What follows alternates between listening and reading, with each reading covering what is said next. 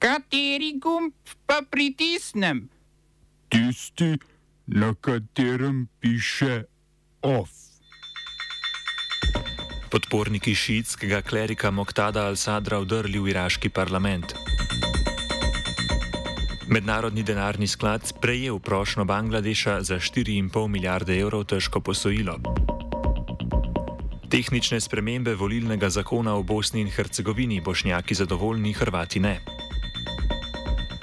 Kulturnih novicah obisk nedeljskega Bovšjaka.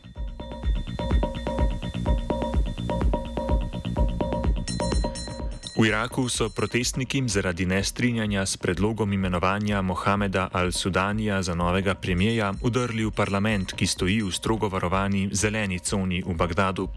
Večina protestnikov podpira iraškega šiitskega klerika Moktada al-Sadra, predsednika stranke Sadristično gibanje, ki nasprotuje vmešavanju Irana v iraško politiko.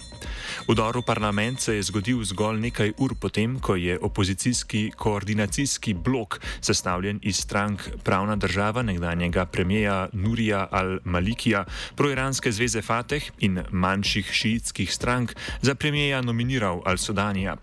Protestniki so vzklikali parole v podporo al-Sadru in zahtevali popolno prenovo političnega sistema. Začasni premijer Mustafa al-Kadimi je protestnike pozval naj zapustijo parlament, a so se odzvali šele, ko jih je nagovoril tudi al-Sadr. V Iraku že od zadnjih predčasnih parlamentarnih volitev oktobra lani poslanci nikakor ne uspejo sestaviti koalicije in imenovati premijeja. Al-Sadr je po mnogih neuspelih poskusih 13. junija poslancem svoje stranke naročil naj odstopijo in s tem breme koalicijskih pogajanj prenesel na opozicijske stranke. V Iraku tako beležijo najdaljše brezvladje od vzpostavitve tripartitnega oblastniškega sistema po ameriški invaziji v Irak leta 2003.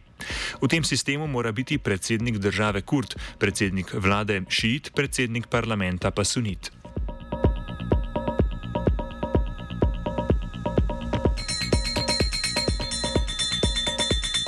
Z bližnjega vzhoda v jugovzhodno Azijo.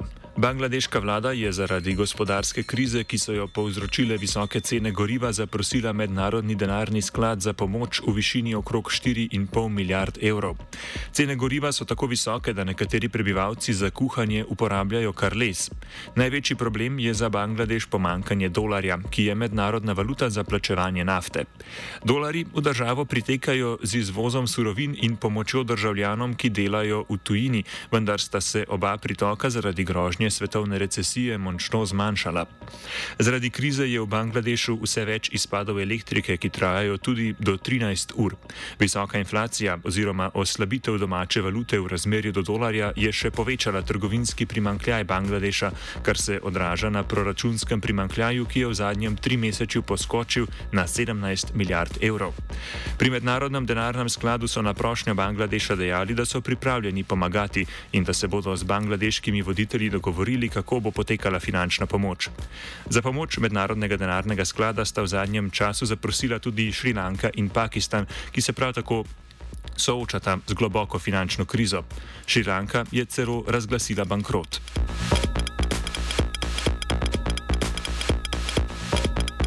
Indonezija je odpravila prepoved pošiljanja migranskih delavcev v sosednjo Malezijo. Indonezijske oblasti so julija svojim delavcem zaradi suma kršenja delavskih pravic prepovedale odhod na delo v Malezijo. Džakarta se je strinjala, da bo spet začela pošiljati svoje delavce v Malezijo, potem ko sta državi sprejeli dogovor za ustanovitev skupnega zaposlovalnega kanala. Malezijske oblasti so prej uporabljale sistem spletnega novačenja za delavce, v katerem ne bi bila prisotna trgovina trgovina z ljudmi in prisilno delo. Malezija je druga največja svetovna izvoznica palmovega olja, zdaj pa naj bi ji na plantažah pribankovalo več kot milijon delavcev. Po uradnih podatkih v Maleziji dela okrog milijon indonezijcev, indonezijsko veleposlaništvo v Maleziji pa ocenjuje, da delo na sosednjem otočju opravljajo do 3 milijoni ljudi.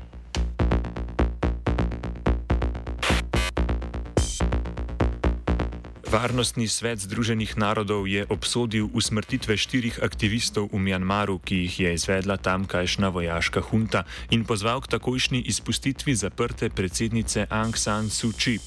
Obsodbo sta presenetljivo podprli tudi Rusija in Kitajska, ki veljata za zaveznici hunte. Ta je prevzela oblast februarja lani po državnem udaru. Vrhovni poveljnik vojske je takrat razglasil izredne razmere, a obljubil, da bodo, ko bo to mogoče, potekale demokratične volitve.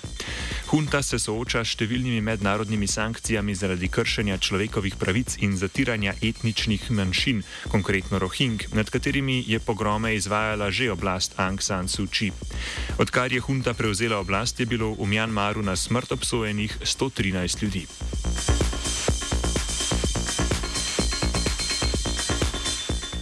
Poljska se oborožuje. Z Južno Korejo je namreč sklenila pogodbe za nakup 48 bojnih letal serije FA-50, 980 tankov tipa K-2 in 648 samovoznih oklepnih haubic. Stroški nakupov za zdaj še niso znani, po navedbah iz Južne Koreje pa naj bi bile pogodbe vredne več milijard dolarjev.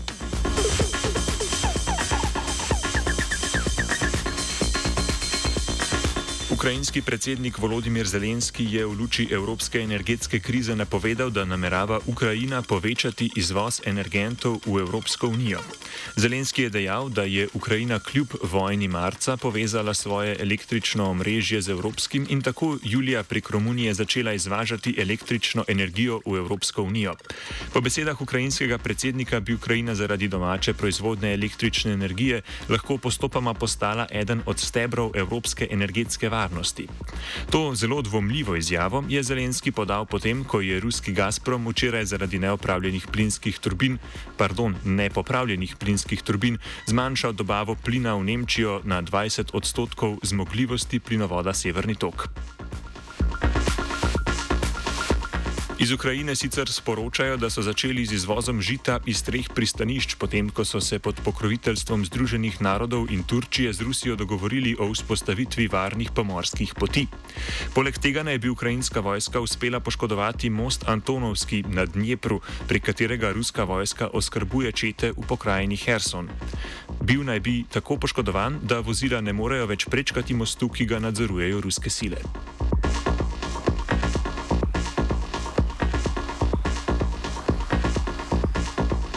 Visoki predstavnik mednarodne skupnosti v Bosni in Hercegovini Kristjan Schmidt je uvedel tehnične spremembe volilnega zakona države.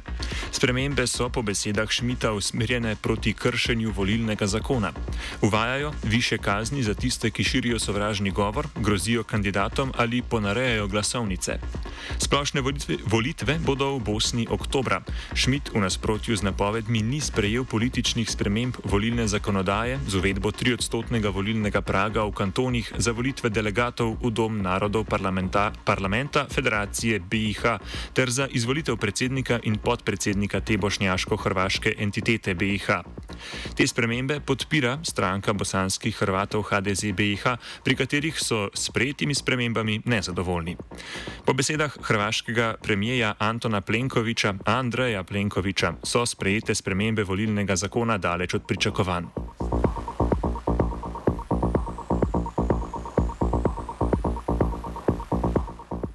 V državi vzpostaviteljici bosanske politične ureditve pa pozdravljajo ustanovitev nove stranke. V Združenih državah Amerike so nekdani poslanci republikanske in demokratske stranke ustanovili novo stranko, imenovano Naprej. Stranka je nastala z družitvijo političnih skupin, ki so bile ustanovljene kot odziv na vedno večjo polarizacijo v državi. Predsedstvo stranke si bosta delila nekdani demokrat Andrew Young in nekdanja republikanka Christine Todd Whitman. Centristična stranka še nima jasno začrtanih ideoloških smernic, za zdaj poudarjajo zgolj, da bodo sledili dobro znanemu sloganu: ne levo, ne desno, ampak naprej.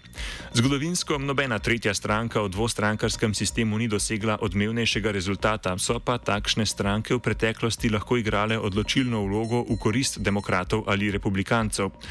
To se je zgodilo leta 2000, ko, je, ko je zmagal republikanski kandidat, zloglasni George Bush mlajši. Takrat so demokrati namreč izgubili kar nekaj svojih glasov na račun zelene stranke.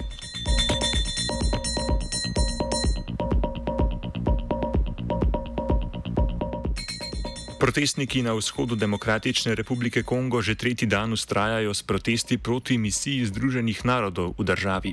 V mestu Goma se so protestniki streljali na štab Združenih narodov, pri čemer je bilo ranjenih več od poslancev, med protestniki pa je življenje izgubilo 15 ljudi. V zadnjem letu sta se zaprli pisarni Združenih narodov v dveh regijah, a je v državi še vedno prisotnih 16 tisoč pripadnikov Združenih narodov. Nasprotniki misije že več let zahtevajo umik od poslancev, saj menijo, da se od njihovega prihoda situacija v državi samo slabša. Spopadi med vojsko Konga in milico M23 so se v zadnjem času namreč dodatno zaustrili, zaradi česar je moralo dom zapustiti več kot 200 tisoč ljudi. Poleg tega nevšečnosti povzroča prisotnost islamske države v regiji. Off je spisal Find.